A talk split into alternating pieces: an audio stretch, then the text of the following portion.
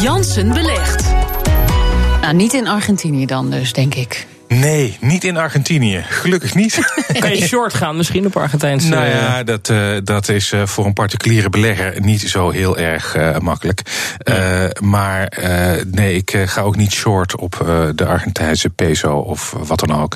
Short gaan is toch ook een beetje...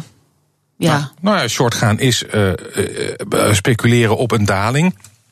En uh, als je dat uh, goed timed, dat is bijna ondoenlijk hoor, maar daar kun je geluk mee hebben en dan kan je daar enorm uh, op verdienen.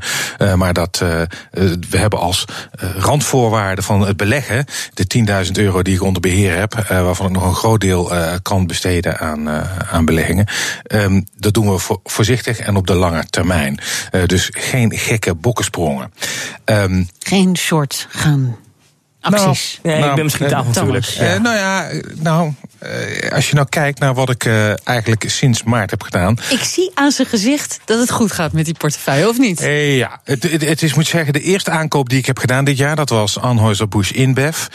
deed het aanvankelijk heel goed, maar staat nu wel 6,5% lager. Oh. Ja, dus dat is jammer. Um, ABN AMRO staat sinds de aankoop 2,8% hoger.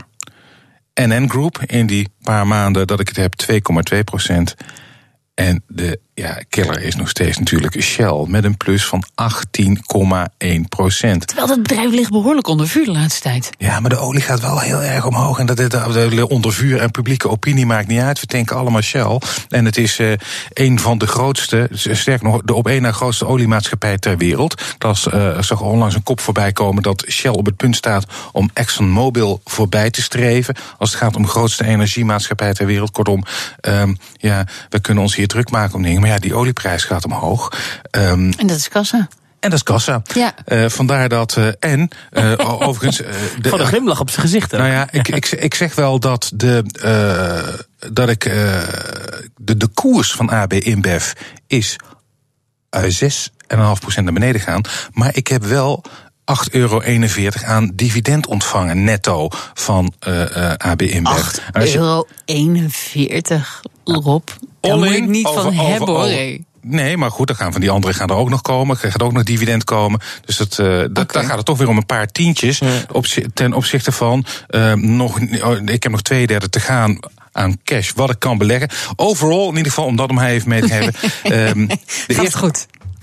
5,5% ruim erbij oh. sinds 28 februari. Maar nu we dit weten, dus dat, dat, dat die Shell dat dat de Moneyball is geweest. Ja. Zijn er dan misschien meer olie-gerelateerde aandelen waar je zegt, daar moet je dan nu instappen? Of? Nou ja, kijk, in principe zijn, uh, doen heel veel olieaandelen het uh, profiteren hiervan. Oliemaatschappijen. Dus je ziet die koersen inderdaad flink oplopen. en er zijn, je ziet aan de ene kant, de verwachting is dat de inflatie gaat opnemen. Hoe kan je daar het beste tegen indekken?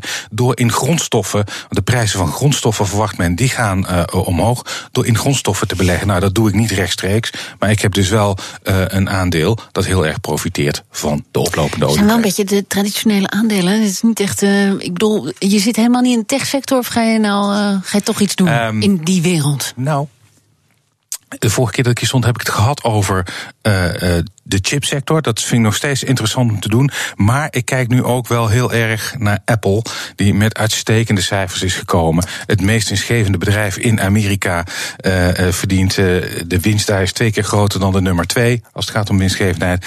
Ja, en veel analisten zeggen, het is eigenlijk relatief nog niet eens zo heel erg duur. Dus het wordt, misschien, het wordt of de chipsector of Apple misschien wel. Maar daar ga je nog even over nadenken. Daar ga ik nog even over nadenken. Dankjewel, Rob Jansen.